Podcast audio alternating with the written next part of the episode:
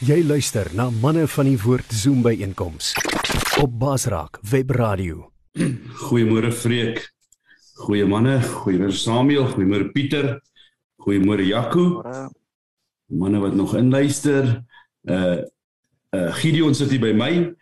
Ehm um, julle kan nie sien hy is aan die ander kant van die tafel. Hulle het 'n uh, load shedding of een of ander probleem daar in Kempton Park. So toe ry hy nou gou-gou vanoggend hier na Boksburg toe deur dat ons kan ehm um, voortgaan met ons uh, Zoom meeting. So uh, Pieter, ek wonder of julle krag het daar by julle in julle valley daar in Kempton Park. Nee nee, krag is af, maar ek het so 'n klein generator so dit help daarom. Lyk mos om dit vir Gideon nog 'n generator organise. Gistermiddag 2 uur. Daar was al vreeslike donderslag en toe gaan die krag af en is nou nog af.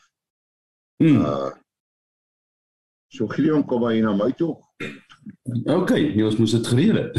ja, ek het nou nie daar gedink nie. Ja, hy sê hy sê wag, hy's nou daarso. Hoe sit lankie kop sit lankie koffie aan. my generator is nie ek kan nie 'n ketel nog goed trek nie. Gaan koue koue koffie wees. Ja, dit is ook koue koffie wees.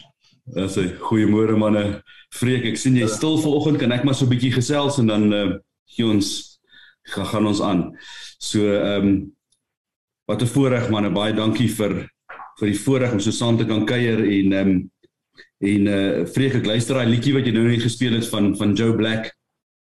Dit ons is gemaak om uit te gaan en om in die storm in te gaan en eh uh, eh uh, ek uh, toe ons toe ons laas jaar begin met die word goud ding dink ek nie het ons lekker besef hoe ehm um, wat dit alles beteken nie en hoe in die storm in in die in die oop see en die diep see moet gaan ons moet ingaan om om om om goud te word. En ehm um, en uh, ek moet vir julle sê uh, dis nou nie dieselfde pressure as Freek en as Pieter en die ander manne nie maar ek voel die ek voel die toets. Jy weet ek voel die die squeeze. Ehm um, en uh, ek moet vir julle sê gisteroggend uh is ek ek is onrustig en ehm um, uh, ek vroeg as ek 4 uur is ek maak hier my wakker en ek uh probeer nog so 'n bietjie ronddraai en die kant en die kant en so kwart oor 4 toe besef ek nee wat ek is nou besig om eintlik droog te maak. Uh daar's iets anders wat nou gedoen moet word en ek gaan sit rustig daar waar ek gaan sit in die oggende en ehm um, dit was net unbelievable hoe die Here 'n mens rustig maak. Jy het 'n gees by jou kom sit en jou net kom net kom uh kan ek maar sê troos. Dit klink nou asof ek 'n babatjie is, nee, maar ehm um, die troos en die vrede binne in die middel van die storm. En dit is 'n uh, ek dink ek dink baie keer hoe hoe gaan 'n ou jou dag deur as jy nie ehm um, as jy nie daai onbeskryflike en onverstaanbare vrede saam met jou het nie. Met hoe hoe tackle jy die dag? Ehm um, as as jou dag begin met vrees en jy en jy's alleen. So ehm um, dis wanneer net toe jy die toe die liedjie speel van ek dink daai liedjie was vir my gewees vreek. Uh, baie dankie. Uh wie daai daai daai wille daai wille daai wille skip wat ons in die wille see in is is ehm um, is is is waarvoor ons gemaak is nie. En ehm um, ja. So ehm um, Pieter is nou nie vanoggend uh, saam met ons op Zoom nie. Uh, Pieter is uh, moes vroeg by die hospitaal uh, inklok. Uh, hulle gaan 'n klompie toetse doen en dis 'n klomp onaangename toetse as ek dit so so verstaan. So ek wil graag as ons uh, vanoggend uh net vir hom in gebed kan tree ook. Ehm um, daar ook vir hom rustigheid is in die in die in die in die in die in die, in die wildtyd want uh weet as 'n reël weet uh, vreek jy kan nou net vir jouself dink as 'n ou nou hierso so met sy vingers so op jou op jou bors kom kom tap weet wat se emosie gaan dit um, wakker maak. En nou imagine uh hoe voel dit as jy nou nog uh, ander goeders mee moet gedoen word wat jy nie voor uh dit is nie dis nie lekker nie. Maar nietemin dit moet gedoen word en um, ons moet vertrou op die medisy en um en en uh, hulp kry weet en hulp vra as ons nie lekker is nie. So um Ek sien uh, Gideon stappie op en af in my kantoor. Hy's opgewonde soos 'n reisiesperd om ons woord te bring. So ek dink ons wil hom ons gaan hom nou 'n kans gee. Hy gaan nou hier so my stoel insak en dan gaan ek aan die ander kant sit en luister. Maar uh, ek wonder of ons nie net vir oggend net saam in eenheid kan stil raak en ons uh, ons hoofde buig voor die almagtige God en hom net eer en prys. Ons almagtige Papa Vader. Almagtige God. U wat koning en heerser is. U wat 'n God is wat wat elkeen van ons haar op ons kop tel. U is die God wat vir ons elkeen lief is, u sê dit duidelik in die woord. Ons prys die heilige naam daarvoor. Baie dankie dit dat u is u self as groot en almagtige God oor ons ontferm. Ons vra die Here vir oggend ontferm u asseblief in besonder oor Pieter waar hy ehm um, in ongemaklike situasies gaan wees. Vra die Here dit dit wat ook al getoets word sal negatief wees. En dit as hy met met 'n skoon uh verslag sal uitstap. Ons sny alles af. Al die aanvalle teen ons manne, die Here, ons weet dat U vir ons werk het om te doen. Ons vra dat liewe Here dat U vir ons sal leer dat U ons sal in die diep water sit, maar dat U ook vir ons sal beskerm en bewaar. Vir dankie vir vandag en dankie vir vanoggend dat ons so saam kan wees. Heilige Gees, raak asseblief die mense aan vanoggend op Zoom, wat gaan inluister op die radio later, later na potgoeie gaan luister. Ons vra die hele hele sal aanraak soos hy ons aanraak hier so terwyl ons bymekaar is. Ons prys die heilige naam vir hierdie tegnologie en al die mense wat so hard werk om seker te maak dat die dinge vlot verloop. Ons prys die heilige naam want U is pryswaardig. Amen. As ek kan julle my mooi hoor vreek want ek is nou nie op my op my okay, shop. Goed, so ek gaan nou oorskuif en dan um, gaan Gideon oorneem. Baie dankie en ons praat bietjie later weer. Ek gaan nou net aan die ander kant sit en luister. Cool. As ek hierdie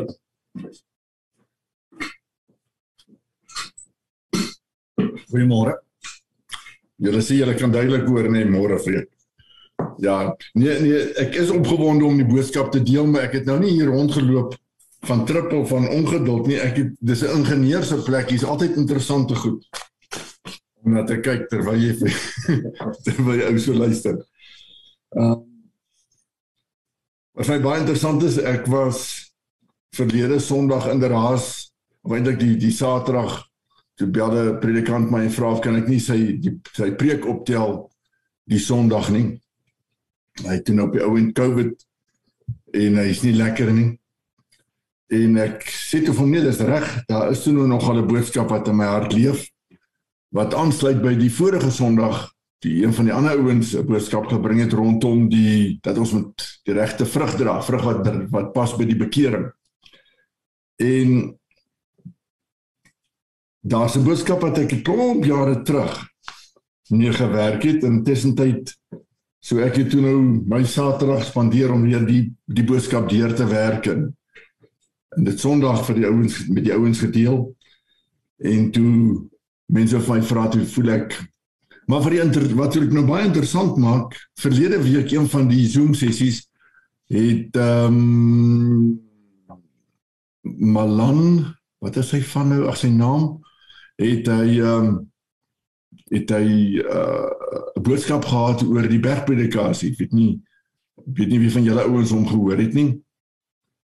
En ek gaan luister toe weer daarna, was my baie interessant hoe hoe baie daarvan aan mekaar raak die die hart van dit wat hy gedeel het was dat die bergpredikasie gaan nie so seer oor ehm um, dit sê vir ons hoe ver ons te kort skiet en hoeveel ons eintlik die Here nodig het om ons in te bring.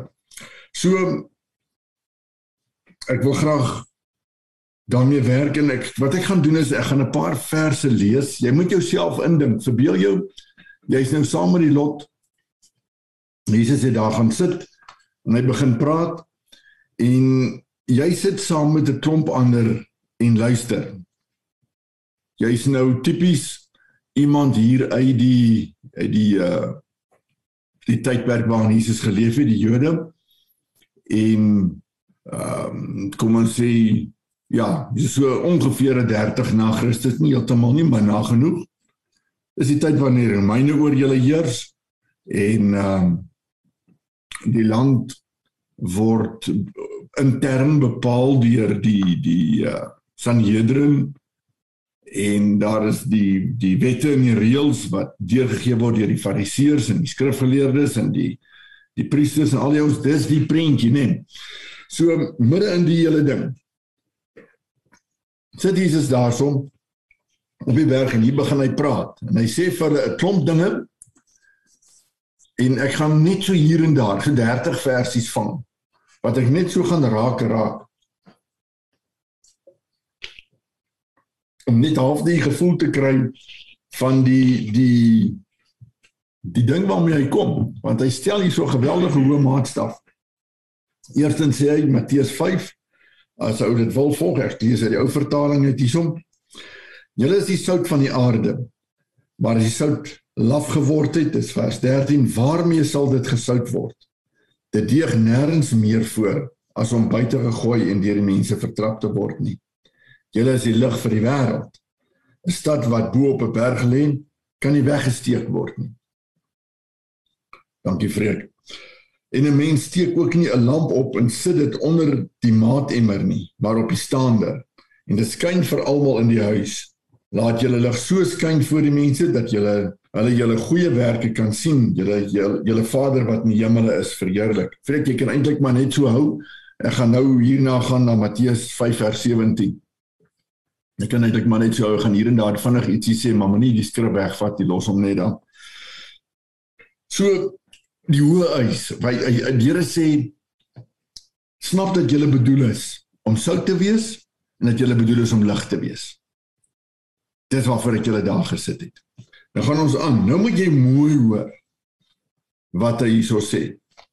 Moenie dink dat ek gekom het om die wet of die profete te ontbind nie. Ek het nie gekom om te ontbind nie, maar om te vervul. Want voorwaar ek sê vir julle voordat die hemel en die aarde verbygaan, sal nie een jota of een titeltjie van die wet ooit verbygaan totdat alles gebeur het nie.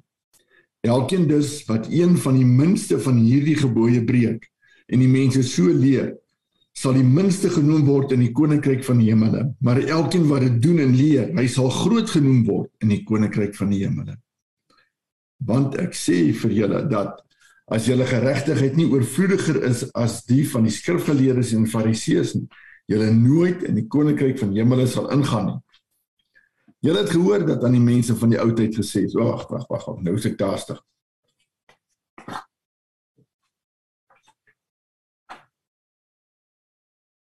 Nee, skies, ek is reg. 5 vers 21. Wat ons nou gaan doen is ons gaan nou so klompie net hier en daar vat. Hoor nou die hoe die hoe die Here hierdie ding kom belig. Julle het gehoor dat aan die mense van die ou tyd gesê is, jy mag nie doodslaan nie. Maar elkeen wat doodslaan, moet verantwoording doen voor die reg. Maar ek sê vir julle dat elkeen wat vir sy broer sonder rede kwaad is, verantwoording moet doen voor die reg en elkeen wat vir sy broeder sê raka moet verantwoording doen voor die groot raad.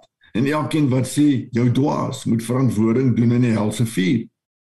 5 vers 27 Julle het gehoor dat aan die mense van die ou tyd gesê is jy mag nie egbreek nie maar ek sê vir julle dat elkeen wat na 'n vrou kyk om haar te begeer reeds in sy hart met haar egbreek gepleeg het As jou regteroog jou dan laat struikel, ruk dit uit en gooi dit weg van jou af. Want dit is vir jou beter dat een van jou ledemate vergaan en nie jou hele liggaam in hel gewerp word nie. En as jou regterhand jou laat struikel, kap dit af en gooi dit weg van jou af. Want dit is vir jou beter dat een van jou lede vergaan en nie jou hele liggaam in hel gewerp word nie. Dan ons hoef nie so intoe te gaan nie, maar Matteus 5:33 tot 37 praat van moenie sweer nie. Jou ja moet ja, jou nee moet nee. 39 tot 42 draai die ander wing. Daai tweede mylstap ding, nee, jy onthou daarvan. Uh 43 tot 44 om ons vyande lief te hê. Ons kom by 46. Matteus 5 vers 47.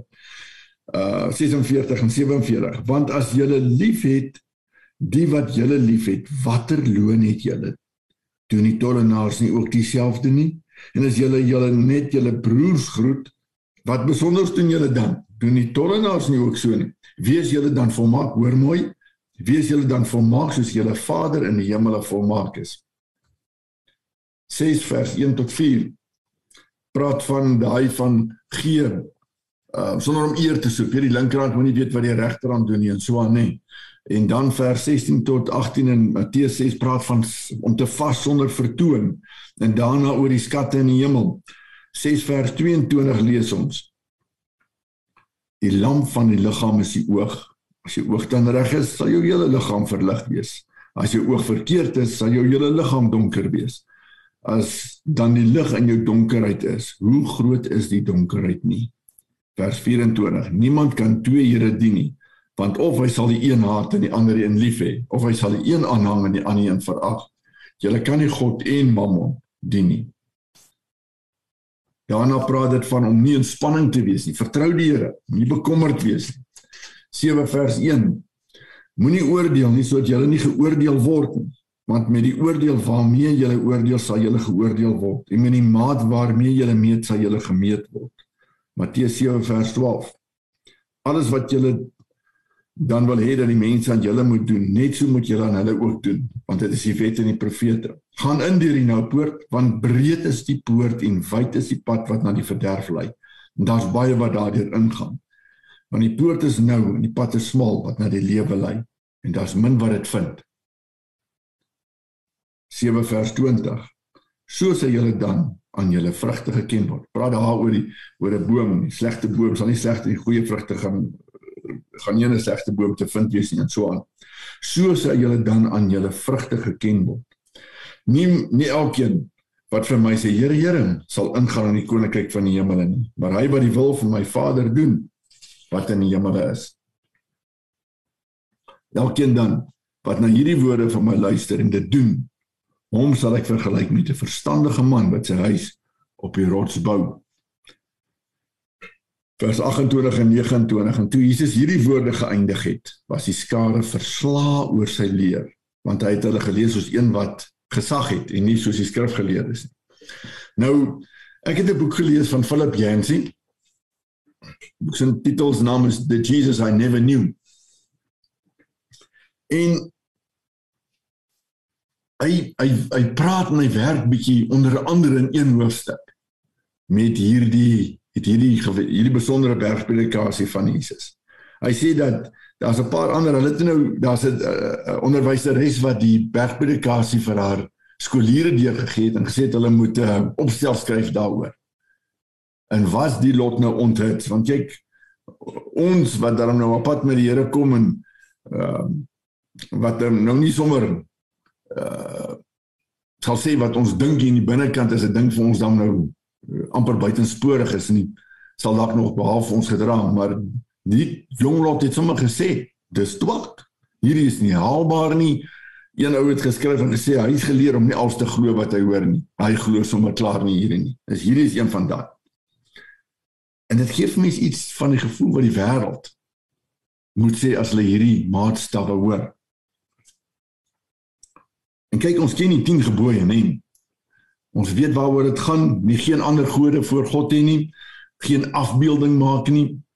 Moenie sy naam uitelik gebruik nie. Rus op die rusdag wat hy gegee het. Eer jou vader en jou moeder, moenie doodmaak nie, moenie egbreek pleeg nie, moenie steel nie, moenie leuns vertel nie, moenie ander so goed begeer nie. En ons weet ook wat die opsomming van die wet behels daar wat Jesus uh, toe hulle vir hom ons gevra het. 'n wetgeleerde die vraag aan hom gestel. Sê meester, wat is die groot gebod in die wet? En dan is daar sekere gedeeltes wat aangehaal word uit die Ou Testament en Jesus se antwoord om jy moet die Here jou God lief hê met jou hele hart, jou hele siel, jou hele verstand, al jou krag neem. Dis die eerste en die groot gebod. Weet wat daarmee gelyk staan, jy moet jou naaste lief hê soos jouself. Aan hierdie twee gebooie hang die hele wet en die profete. Nou kom ons gaan terug met wat Jesus in die begin gesê het, net na daai van die sout in die lig. Hy sê moenie dink dat ek gekom het om die wet en die profete te ontbind nie. Ek het nie gekom om dit te ontbind nie, maar om dit te vervul. Die 2020 vertaling sê moenie eens daaraan dink dat ek gekom het om die wet of die profete af te skaf nie. Ek het nie gekom om dit af te skaf nie, maar om dit te vervul. Gaan hy aan by vers 18 want voorwaar ek sê vir julle voordat die hemel en die aarde verbygaan sal nie een jota of een titteltjie in in ons terme is dit nou daai kappie op die e en 'n komma of 'n punt of 'n ding aan die einde van van 'n sin. As jy nie een van daaietjies gaan wegval voordat alles gebeur het nie. Elkeen dus wat van die minste, elkeen dus wat een van die minste van hierdie gebooie breek. En die mense so leer, sal die minste genoem word in die koninkryk van die hemele. Maar elkeen wat dit doen en leer, hy sal groot genoem word in die koninkryk van die hemele. So ons kan nie waag om te kom by die plek te kom en te sê, "Ha, skrap hierdie wet storie van die tafel af, man. Die wet red ons nie. Vee dit net eenvoudig af. Kom ons doen wat dis nie dit. Dan mis ons die hele ding." Se sê As jy hierdie wil kom staan en onklaar maak, jy wil sê mag dit was maar net te Paulus is akkoord daarmee. Paulus skryf in Romeine 7 vers 12: "Dus is die wet heilig en die gebod is heilig en regverdig en goed." In 1 Timoteus 1 vers 8 skryf hy in 2020 vertaling: "Maar ons weet dat die wet goed is as 'n mens dit op die regte manier gebruik." Was geen twyfel daaroor nie, as jy 'n kwessie daaroor nie, En dan gaan Jesus nog verder. Hoor mooi wat sê hy daarna in 5 vers 20 in Matteus. Want ek sê vir julle dat as julle geregtigheid nie oorvloediger is as die van die skrifgeleerdes en die fariseërs nie, julle nooit in die koninkryk van die hemel sal ingaan nie. Die nuwe vertaling praat van julle getrouheid aan die wet. 2020 sê as julle geregtigheid nie aansienlik meer is Nou jy moet dan dink hoe dit vir die hoorders geklink het. Weet jy, sit die klomp en hulle ken die fariseërs en skrifgeleerdes. Die die skrifgeleerdes en die fariseërs was as ware in kompetisie met mekaar oor hierdie ding. Hulle het die wet uitgebou na 613 wette. 248 was gebooie en 365 was dinge wat verbied was. Verder klom nog versterk met 1521 bywerkings. Nou kyk, nie een van ons vat hierdie ding naaste by so ernstig op nie. Nie naaste by. Kyk, kan of vir jouself sê. En ons weet dat hulle 'n punt daarvan gemaak om nooit God se naam, hulle het net gepraat van die naam. Selfs as hulle geskryf het in ons geval sou nie die G en die D geskryf het. Sou nie eers God se naam. Hulle het 39 aktiwiteite verbied op die Sabbat. Jy mag dit net nie doen nie. Daar was een lot wat bekend was as die bloeiende fariseërs. Nou wat die ouens gedoen het, hulle het hulle hulle hulle hoofbedekking het so ver oor gehang dat hulle so halfkop onderste bo geloop om tog net nie eers 'n vrou se hakskeen raak te sien en daar te begeer nie. Of wat ook al nie. Dat hulle van tyd tot tyd in goed vasgeloop het. 'n Uithangbordjie of 'n straathoek of 'n ding. En uh hulle was te bekend as die bloeiende fariseërs. Nou as Jesus sê dat jy moet verder gaan as hierdie ouens, dan moet jy vir jouself dink wat het hierdie lot gedink? Waarvan praat hy? Jy sien Jesus gaan verder met die wet as wat hierdie geestelike leiers ooit sou kon dink om te gaan. Jesus maak die wet onmoontlik vir enigiemand om te onthou om te om te kan hou en dan gebied hy ons om dit te want hy kom sê vir ons verstaan waaroor dit gaan. En daar's geen land weet wat eers naby dit kom nie. Ehm um, daar's nou in ons land op die stadium nie enigiets wat die doodstraf voorgegee word nie, maar kan jy jouself indink wat Jesus gesê het van as jy jou broer raak kan weet jy stap nou ergens verby 'n stadsplein of 'n ding en daar hang 'n ou ja, hy swaai sy voete. Hy hang aan sy nek. Sien wat het die ou gedoen? Nie hy het vir ander ou die F woord gesê. Amen. As die as die reëls so streng moes gewees het, soos wat Jesus hiervan praat. Jy dink wat die implikasie sou wees van daai wat gesê het elkeen wat na vrou kyk, het reeds egbreek gepleeg, ruk daai regter oog uit. Weet jy, hier sit hier sit jy kyk na 'n ander ou en sê jong, ek sien daai regter oog van jou uit, maar hy linker oog, hy dwaal al klaar weer. En dis 'n eh, die ouens se uh, se oë pop uit een na die ander. Nie is daai daai wette waar waar die ouens ehm um, in lande leef waar die sluier in die goed gedra word so regtig help dit nie want die probleem lê in die hart. Ons weet as 'n ou nou myn eet pleeg, jy gaan nou nog nie, jy gaan nie deur die wet vervolg word jy nou 'n leuen vertel het hier vir 'n ou en vir vir jou vriende 'n wit lintjie vertel het en die ouens bel jou nou in om te sê hoor jy sien nou al klaar met daardie ding wat jy vir my bou. En jy sê man weet jy ons is nou daarmee besig. Nou jou jou ding is nou op die tafel ons nou as jy nee dan sê hey laat ons begin. Ek het nou net vir die ou gesê ons is besig met sy goed. In ons land as 'n ou myn eet gepleeg het, dan kom jy eers nou regtig aan ernstige moeilikheid rondom alleen. En selfs dan is daar nog draaie en swaaie en dinge. En Jesus sê jou ja moet ja wees, jou nee moet nee wees. As jy geen iemand wat van jou eis, kan jy self indink as 'n ou jou SUV wil kom kaap en jy sê van wag 'n bietjie ek het nog 'n baie koop daar by die huis. En hierdie is nie 'n ding wat net ons mee worstel nie. Dis die die eeue. Thomas van Aquinas het gesê Ah, nee, wag 'n bietjie. Jy kry vereistes en jy kry voorstelle. Die 10 gebooie dis vereistes. Maar hierdie van die bergpredikasie dis voorstelle. Ons moet dit net ernstig nastreef. Martin Luther het gesê ons het 'n tipe dubbele burgerskap. Jy sien, ons is burgers van die staat en ons is burgers van die koninkryk. En as ek byvoorbeeld 'n soldaat is en ek moet veg in die oorlog en ek moet doodmaak, dan doen ek dit as burger van die staat, maar hier in my hart as burger van die koninkryk sê ek nee, ek wil nie regtig. Ek het my vyand lief. Die die hartseer gevolg van onder andere daai benadering was dat in die um, Tweede Wêreldoorlog was daar onskuldige kinders deur Christen Duitsers doodgeskiet. Omdat hy eenvoudig gesê het ek het die opdrag gekry maar ek wil dit eintlik nie doen nie maar ek doen dit want ek het die opdrag gekry. Dit maak dit baie ingewikkeld. Daar's ouens wat onder andere die Anabaptiste wat uh gesê het nee nee nee nee nee geen afwatering van wat Jesus gesê het. Ons vat hierdie ernstig op. Nou hulle het so ver gegaan om veilig te speel, het nie eens eiendom gehad nie. Hulle het geweier om in die hof te sweer. Um hulle het nie eens die hoed gelig om om 'n amptenaar te groet nie. Ek weet nie waar dit daarbey ingepas het nie. En hierdie hele ding van dat hulle geweier het om die wapen op te neem het hulle kwesbaar gemaak en uiteindelik is hulle in Rusland, Europa en in Engeland uh vervolg en selfs uitgemoor. Baie duisende van hulle het ou met gevlug Noord-Amerika toe. Daar's ander ouens wat gesê het hier is so in die 1800s en gesê het nee man wag ons verstaan die ding verkeerd. Hierdie is soort van die krygswetfase van die 10 gebooie. sien Jesus weet dat ons is op pad nou dat die ehm um, uh die die tydperk van genade gaan aanbreek met die kruis.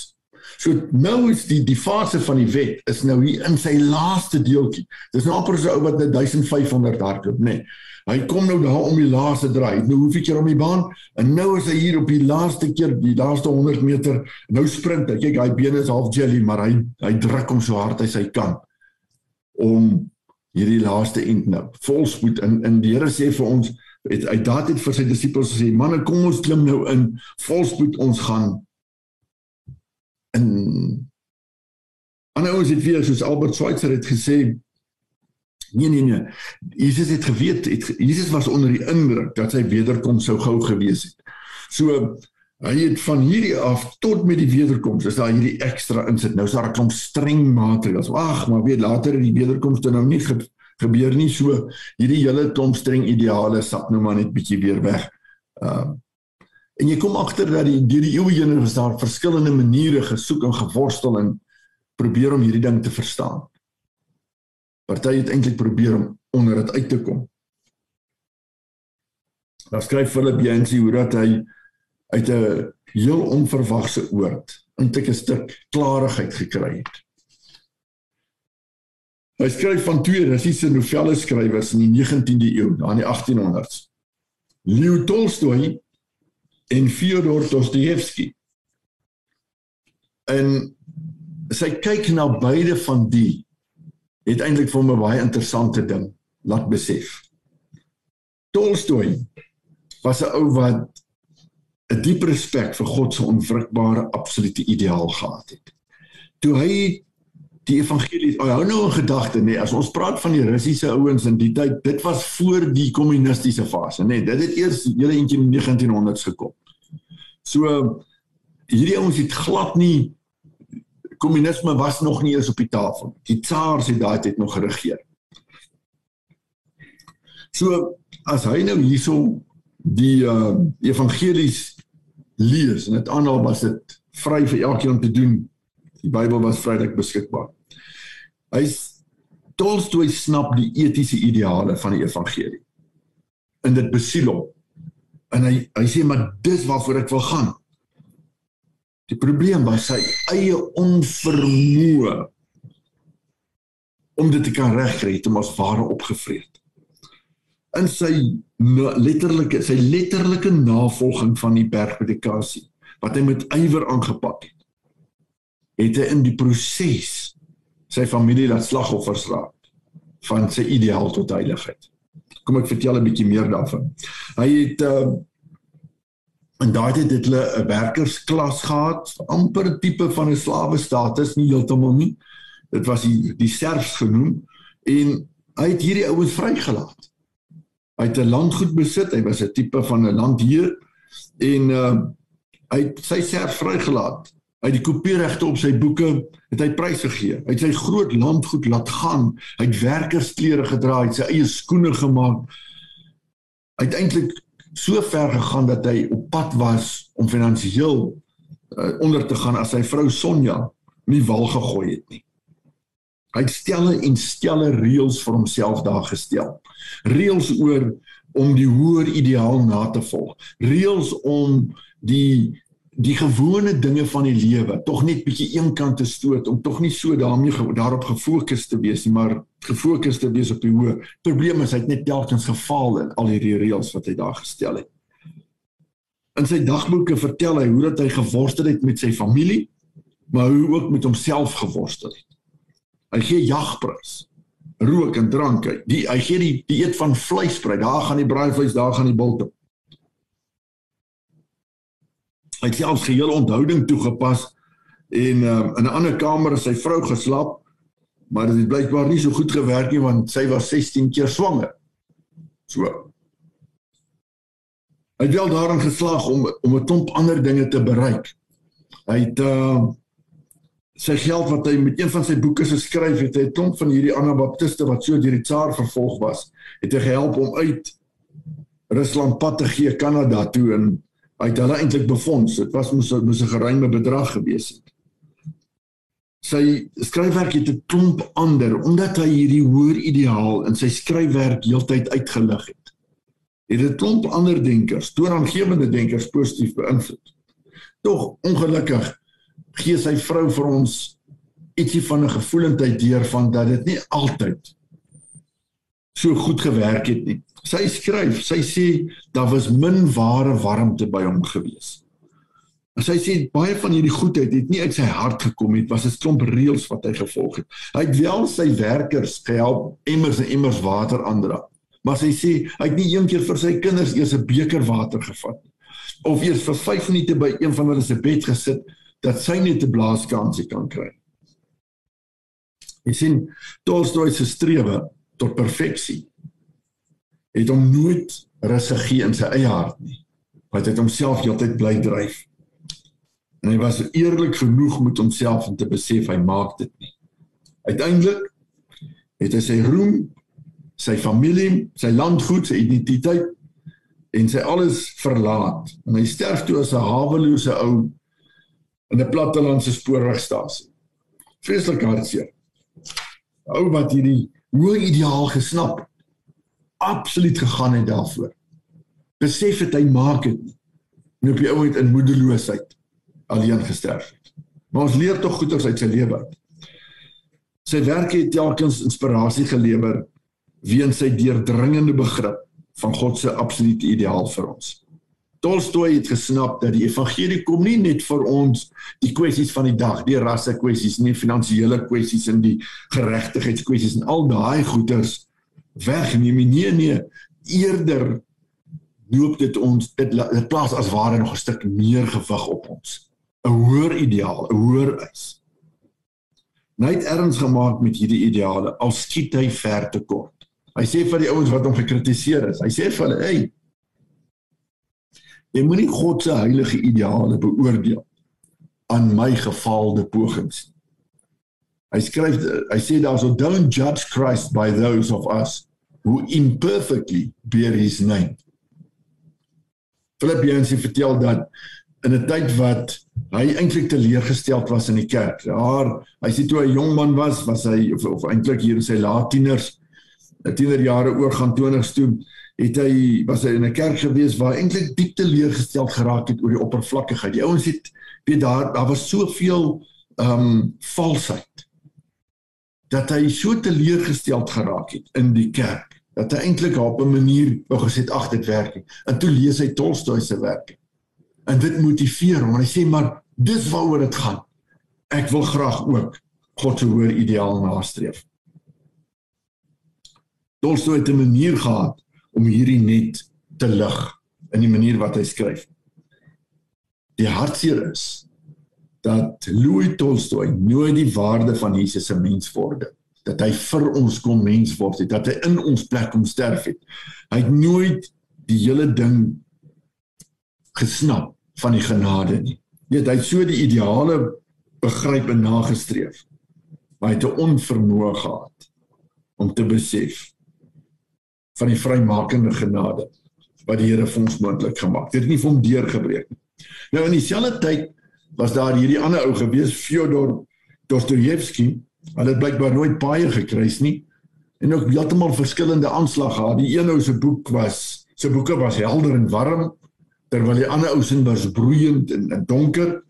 Tolstoy het geleef met hierdie ideale wat hy nog met stelle reëls en alles.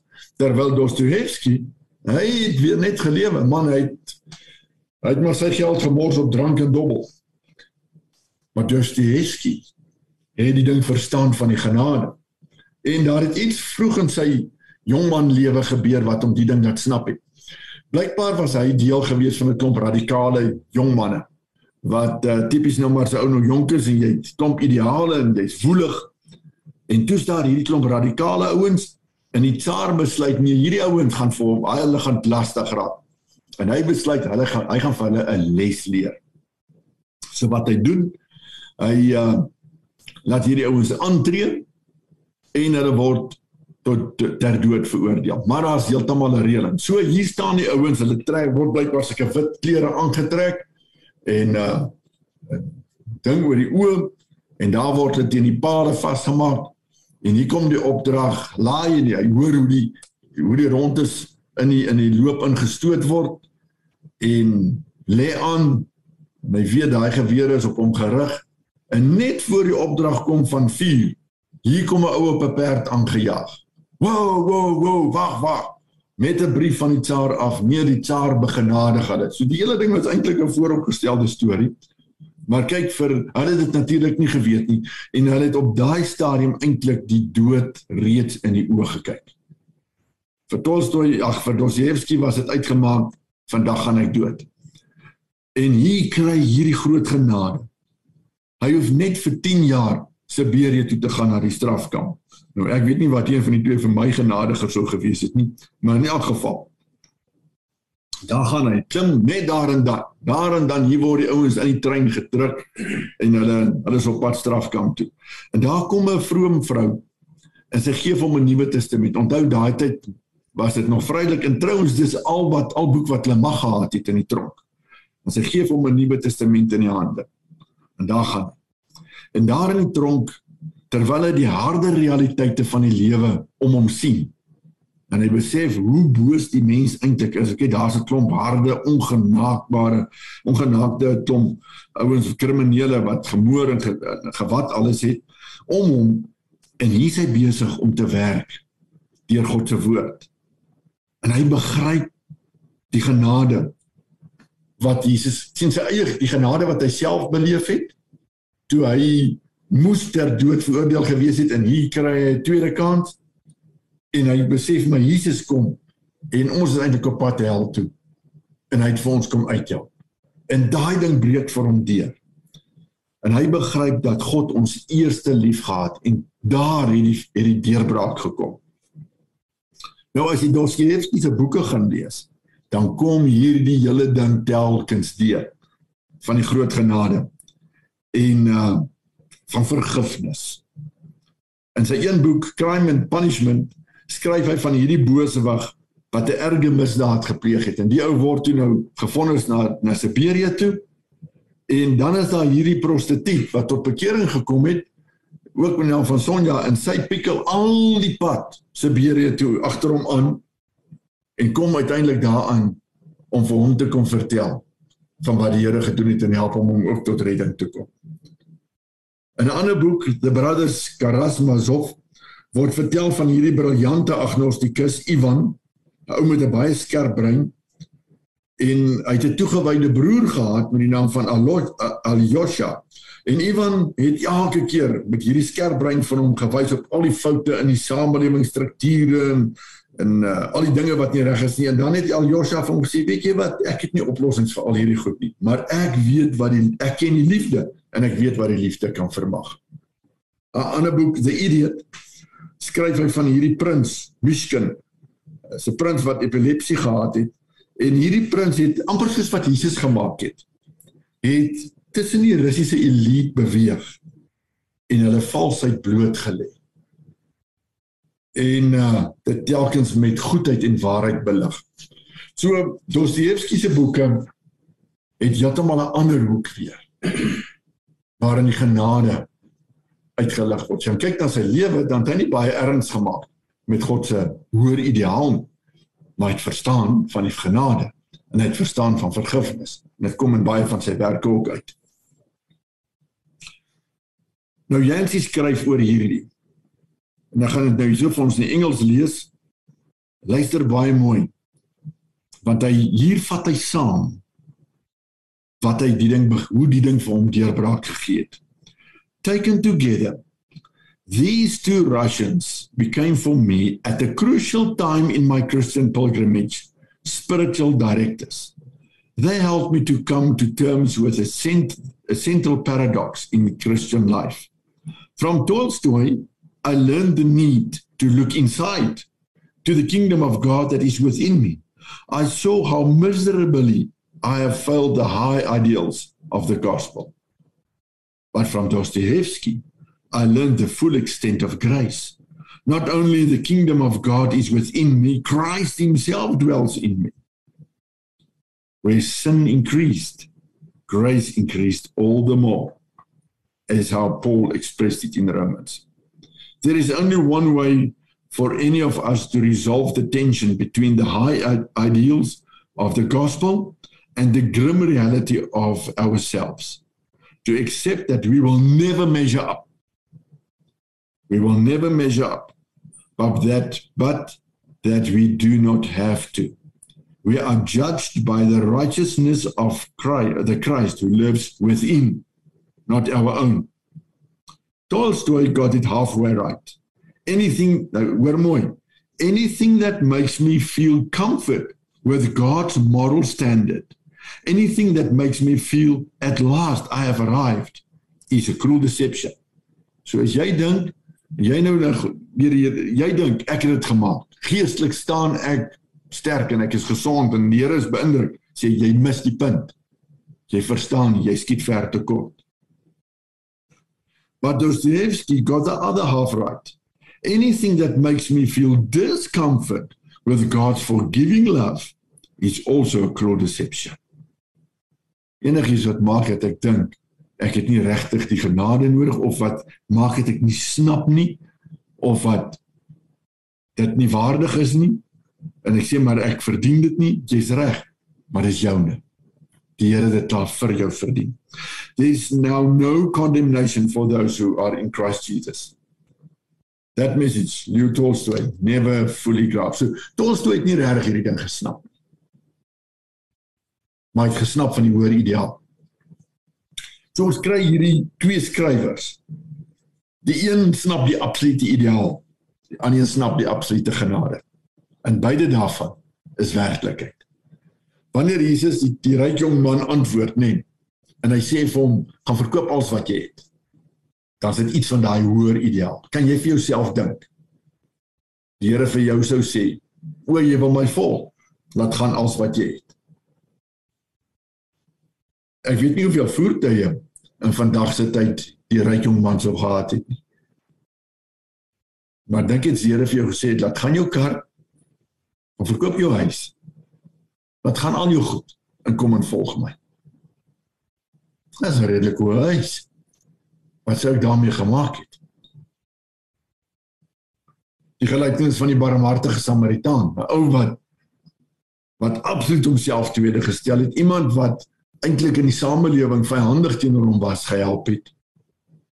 Hom versorg het hom gevat het na 'n plek van versorging, betaal het vir sy versorging en gesê het wanneer ek weer verbykom sal ek die res betaal.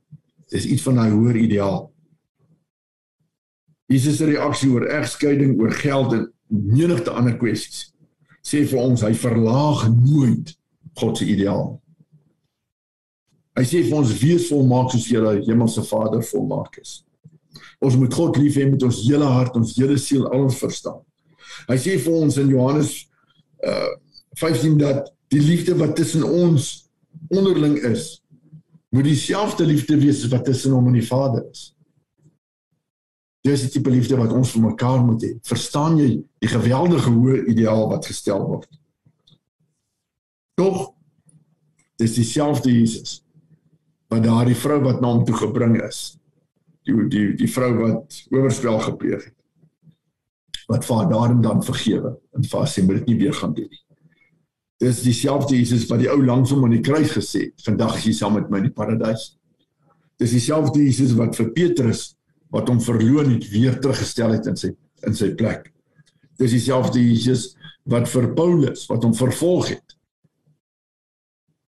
wat sy volgelinge doodgemaak en tronk gegooi het.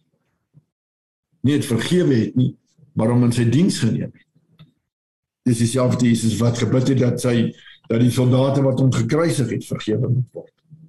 So ons kom agter dat aan die een kant die geweldige hoë ideaal en aan die ander kant die realiteit van die groot genade.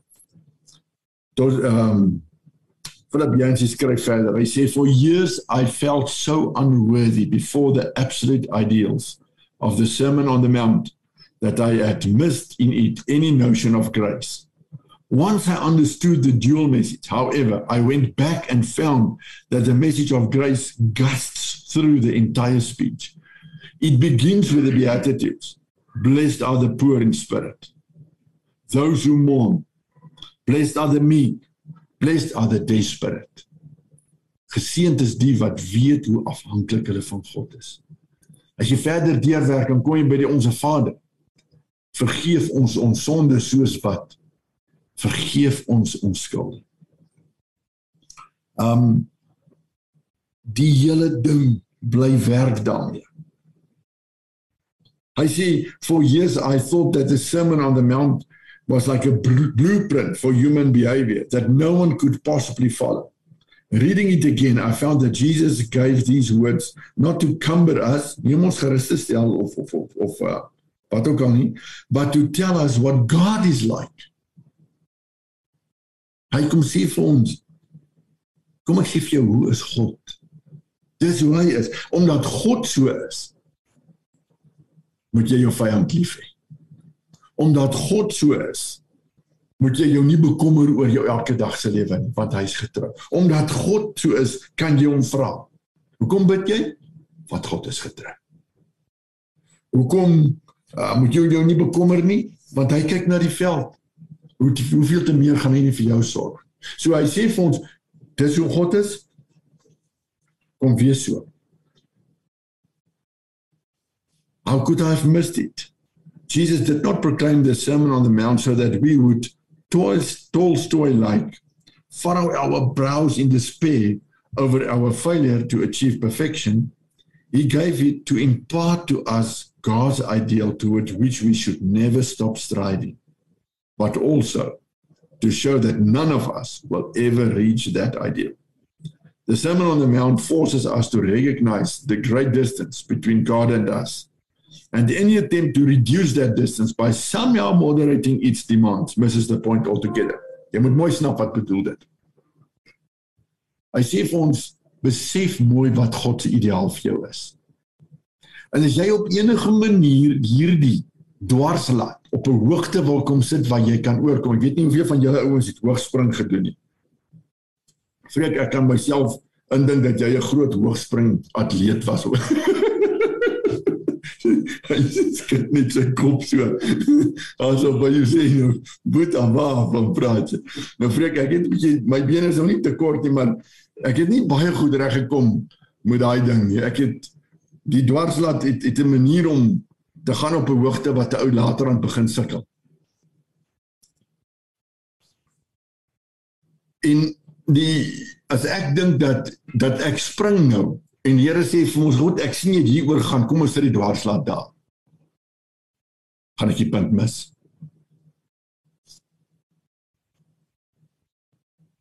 The worst tragedy would be to turn the Sermon on the Mount into another form of legalism. It should rather put an end to all legalism.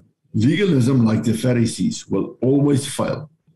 Not because it's too strict, but because it's not strict enough. Hoor mooi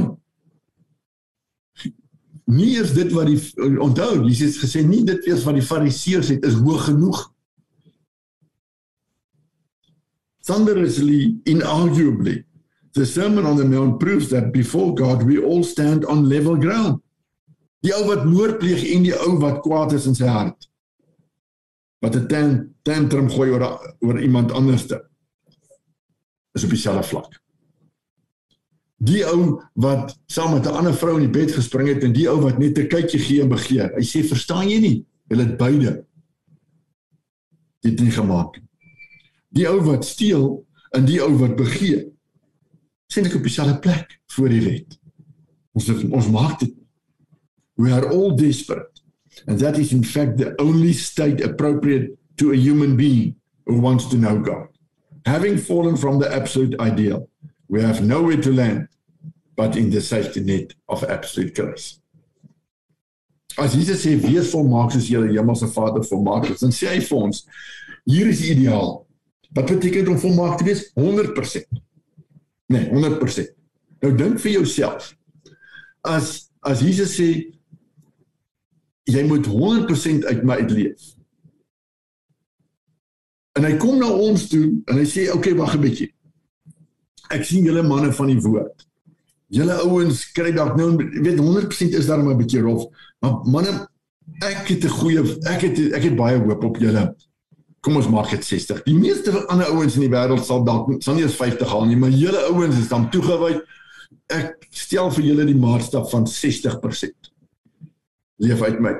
Nou wie dink jy gaan hy vir jou sê moet waar vanaf moet jy jou ander 40% gaan kry? Moet jy leef uit die duiwel? uit die wêreld uit jou sondige natuur waar moet hy vir jou sê moet jy jou 40% gaan volmaak nee hy gaan vir ons sê kom leef 100% uit my en dis dit want dis waarvoor ons gemaak is jy as jy dalk onthou ons het 'n stadium bieding gehad van die spieël net wat sê ek ons is gemaak om na God se beeld te leef uit hom uit dan is dit nie 'n kwessie van dat hy sê goed kom leef nou maar 'n bietjie uit my uit of soveel jy kan en die res is maar oukei. Okay. Hy sê vir ons jy's gemaak om 100% uit my uit te leef, uit God uit te leef. Niks minder. En dis wat Jesus kom doen het, nê. Nee, hy het volmaak dit gedoen. Ek het in die een kerk waar ons eenslag op 'n stadium was, hierdie as jy hier in die in die uh, in die banke sit, dan het die plafon, dit was so mooi hout groot massiewe groot houtbalke wat so opgeloop en hy het 'n boog opgeloop vorentoe. En dan het jy hierdie um uh wat het so 'n notiepang effek planke gehad. Wat dan nou opgeloop het saam met hierdie. En dit het letterlik daar waar hy opgaan, hy is waar eintlik soort van verdwyn. Jy kon nie die punt daarbo sien. Jy moes eintlik reg voor onder die kant van gestaan kon jy die daar sien wat hy so skerp in opgegaan. En ek daar so gesit het ek gedink dis wat dit is daai hoë ideaal, daar waar die volmaaktheid lê, is eintlik daar waar ek nie eens meer kan sien. Dit verdwyn eintlik uit my gesigspunt. Here sê dis wat jy bedoel het. Snap jy? En ek besef Here, my gaan ons nooit regkry nie. Dis ek weet. Ek het dit vir jou gedoen. Ek het dit vir jou gedoen. So kom nou. En gee aan vir my dan kom leef jy uit my uit. Kom stap die pad saam met my. Jesus het die bergpredikasie volmaak geleef. 100% en hy het dit vir ons kom doen.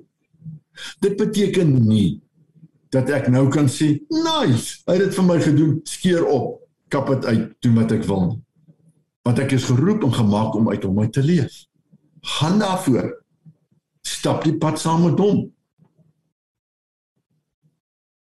Maar as ek dink aan die ander kant dat ek hierdie gaan regkry in my eie krag, gaan ek dit ook nie maak nie.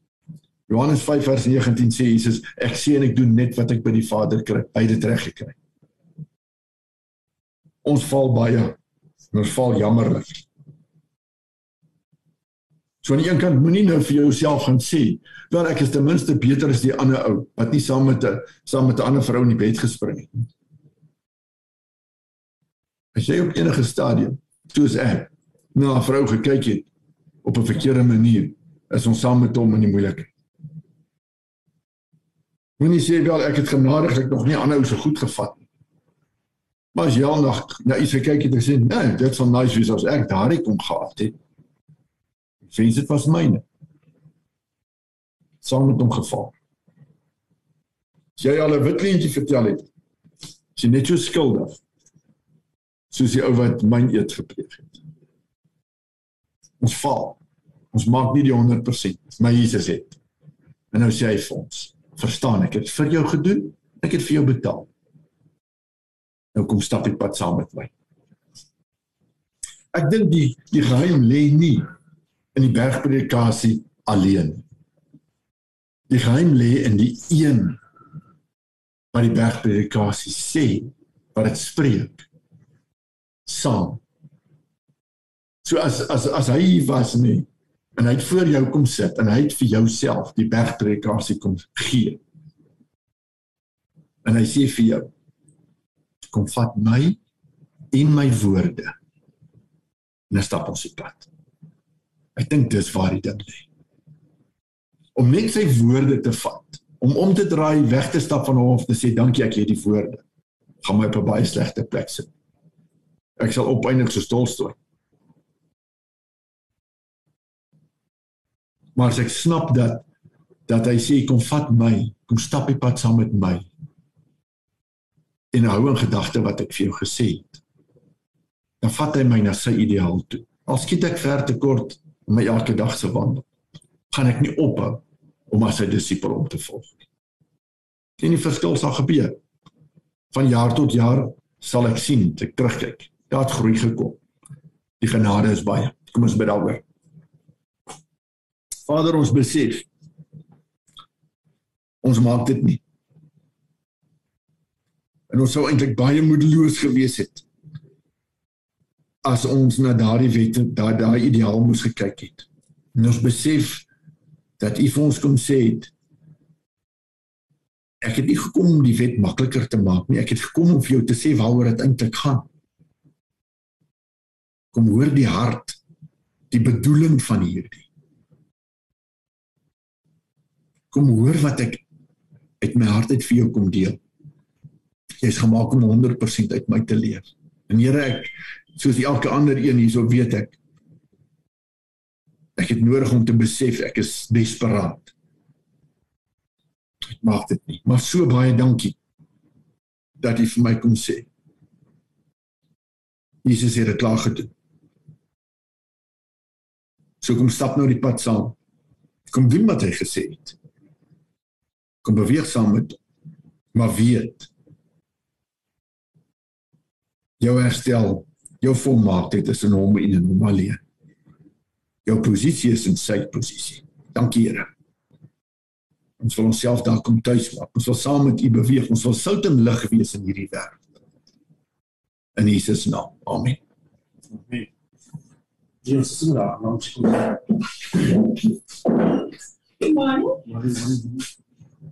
Gideon baie baie dankie. Ek uh, dit was baie baie goed want uh, jy het as dit absoluut Paulus sê dat die wet was ons stigmeester na Christus hmm. en uh die wet was net daar gestel om dit was God se standaard. Ons kan nie daarby uitkom nie. Net as jy jouself vir hom oorgee dan kan hy jou die krag gee om dit te doen. Derek Prins het eendag gesê ehm um, as jy by 'n hoë gebou is en daar's 'n 100 trappe wat jy moet ophardloop om bo te kom uh of daar's 'n lift. Hy sê as jy wil probeer in jou eie krag, dis wanneer jy teen die trappel uithardloop. Hy sê maar in Christus, jy klim net in die lift en die lift vat jou boontoe. En en so Christus vat jou boontoe. So dit was baie goed, baie dankie. Maar ek moet ongelukkig gaan, ek moet ry. So dis hoekom ek sommer nou hier ingespring het. Maar baie baie dankie. Dit was dit was baie goed. Baie dankie. So Pieter is Pieter mooi. Dis Pieter mooi van. Uh vreek ek wonder of uh of ons hierdie kan bysit by die gedeelte van word goud, want hierdie is eintlik die essens van word goud. Ons kan dit nie dis nie iets wat ons kan doen nie. Ja, dis hoekom ons sê dis hoekom ons moet sê kom ons maak onsself nie goud nie. Want ons kan ons gaan dit nooit regkry. Dit is die essens van word goud. Uh probeer om om om daai ideaal te bereik. Maar weet, dit is nie dit is nie jou dit is nie jou job om jouself goud te maak. Ek weet nie of of dit oorkom wat ek sê nie. En ehm um, dis so 'n goeie storie. Ek, ek kyk na die dag jy weet ek praat nou van van ehm um, ehm uh, uh, uh en 'n Karl Karl Marx in my kop. Uh, uh Tolstoy. Ehm um, ou moet ou moet wakker wees in wat jy in jou in jou uh, realm toelaat van wat jou gedagtes voer. Dit ehm um, want hier aan die ander kant van hierdie storie in die min of meer dieselfde tyd is Karl Karl Marx uh, sy storie geskryf. Ehm um, saam met 'n uh, ander ou uh, dit is Friedrich uh, Engels. En hoe hulle vertel self hoe hulle sy vrou was nie meer lus vir hulle nonsens nie. Toe gaan kry hy vir hom 'n 'n 'n woonstel iewers. Right? waar hulle twee nou lekker hierdie manifest van hulle geskryf het. En hulle sê self, hulle was baie keer so dronk en daar was soveel sigaarrook in die kamer dat hulle nie meer kon mekaar sien nie. Right? En natuurlik het hulle nog nog 'n uh, uh vrouens wat uh in die nag werk vir hulle kom kuier daar maar dit is nou lekker sy vrou is nie daar nie. Right? En toe skryf hulle hierdie ding wat vandag ehm um, soveel mense se lewens reüneer. Weet. Uh en ehm um, en hulle gedink hulle is baie slim weet en ander ouens het later gedink hulle is ook baie slim. En en en en dit het 'n verskriklike ding geword die die die ehm um, marxisme. So moet versigtig wees wat jy in jou kop toelaat. En en en en weet ek het al ek het al 'n ding gelees. E, een keer en en dit het my baie oulik geklink die eerste stukkie. En toe sê die Heilige Gees vir my wow wow jou bril is verkeerd. Sit 'n ander bril aan. Weet sit jou sit jou bril deur my gees aan En dan kyk jy nie gou genoeg na hierdie en ek het die boek net daar toe geslaan en gesê dis nou 'n klomp snert hier. So jy moet mooi versigtig wees. Jy moet mooi kyk wat jy na kyk en en en daai van 2 Korintiërs 12 vers 9 my genade is vir jou genoeg. Net ons moet dit uh, ons moet dit baie naby in ons hart dra. Jy moet dit jy moet dit vasmaak in jou in jou in jou bors binne in jou bors. Maar ja, baie dankie Gideon. Mm. Dit was nou dit was nou die moeite werd om van van Kempton na Boksburg toe te ry om vir ons hierdie woord te bring. Dit is 'n voorreg lekker om langs jou te sit om uh dis ek mis vir hom lees. En jy vir hom lees wat die wat die ramshorings gemaak het. Ja, hom lees dit altyd ja. gesê. Ons gaan ons ons sit oortjie teen oortjie. Ons is daarom nou baie naby aan oortjie teen oortjie waar ons ja. nou sit. So. wat 'n ja. voorreg. Ja, sommer oor, oor hierdie hele ding van van Karl Marx, ek dis nou nie regtig heeltemal in lyn. Wel, op op op 'n manier kom raak in die hart. My pa destyds 'n vriend van my wat sosiologie geswat het. Ehm um, dan Bloemfontein kom toe by my aan eendag. Hy sê man, hierdie hele ding van kommunisme is 'n baie goeie ding. Kyk net al die ideale en die dinge en die goed. En my pa sê vir hom sê vir my hierdie ding en ek snap die hele verskil. Hy sê vir my in een sin Hy sê vir kommunisme, kommunisme se benadering is als wat joune is, is myne. Die Christelike benadering is als wat myne is, is joune. Hy sê en daai twee lê totaal teenoorgestel. Hulle lyk op die oppervlak dieselfde. Maar die ene is 'n vat benadering en die ander een is 'n gee benadering. En uh dis hoekom die kommunisme nie werk nie.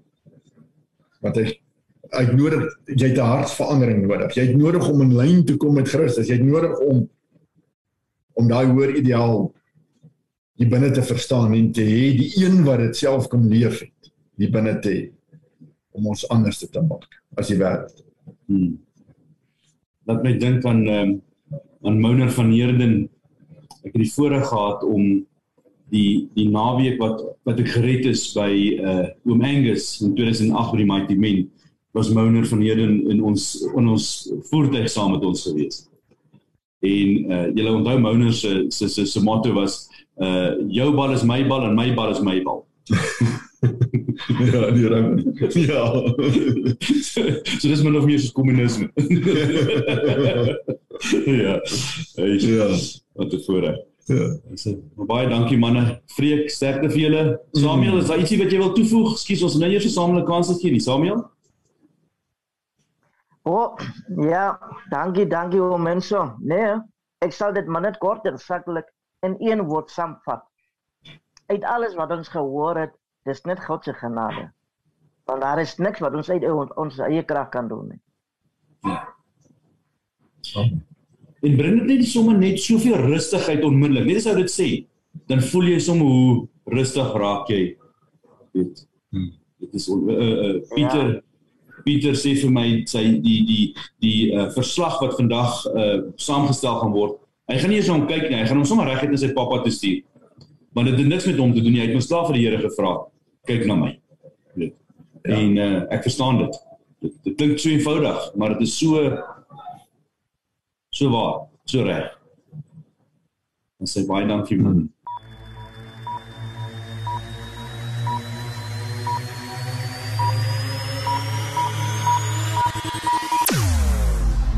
Jou oorwinning in Christus radio. Basraak webradio. Basraak, jy kan enige uitdaging of bekommernis in jou lewe basraak. Basraak. Basraak webradio op www.basraak.tv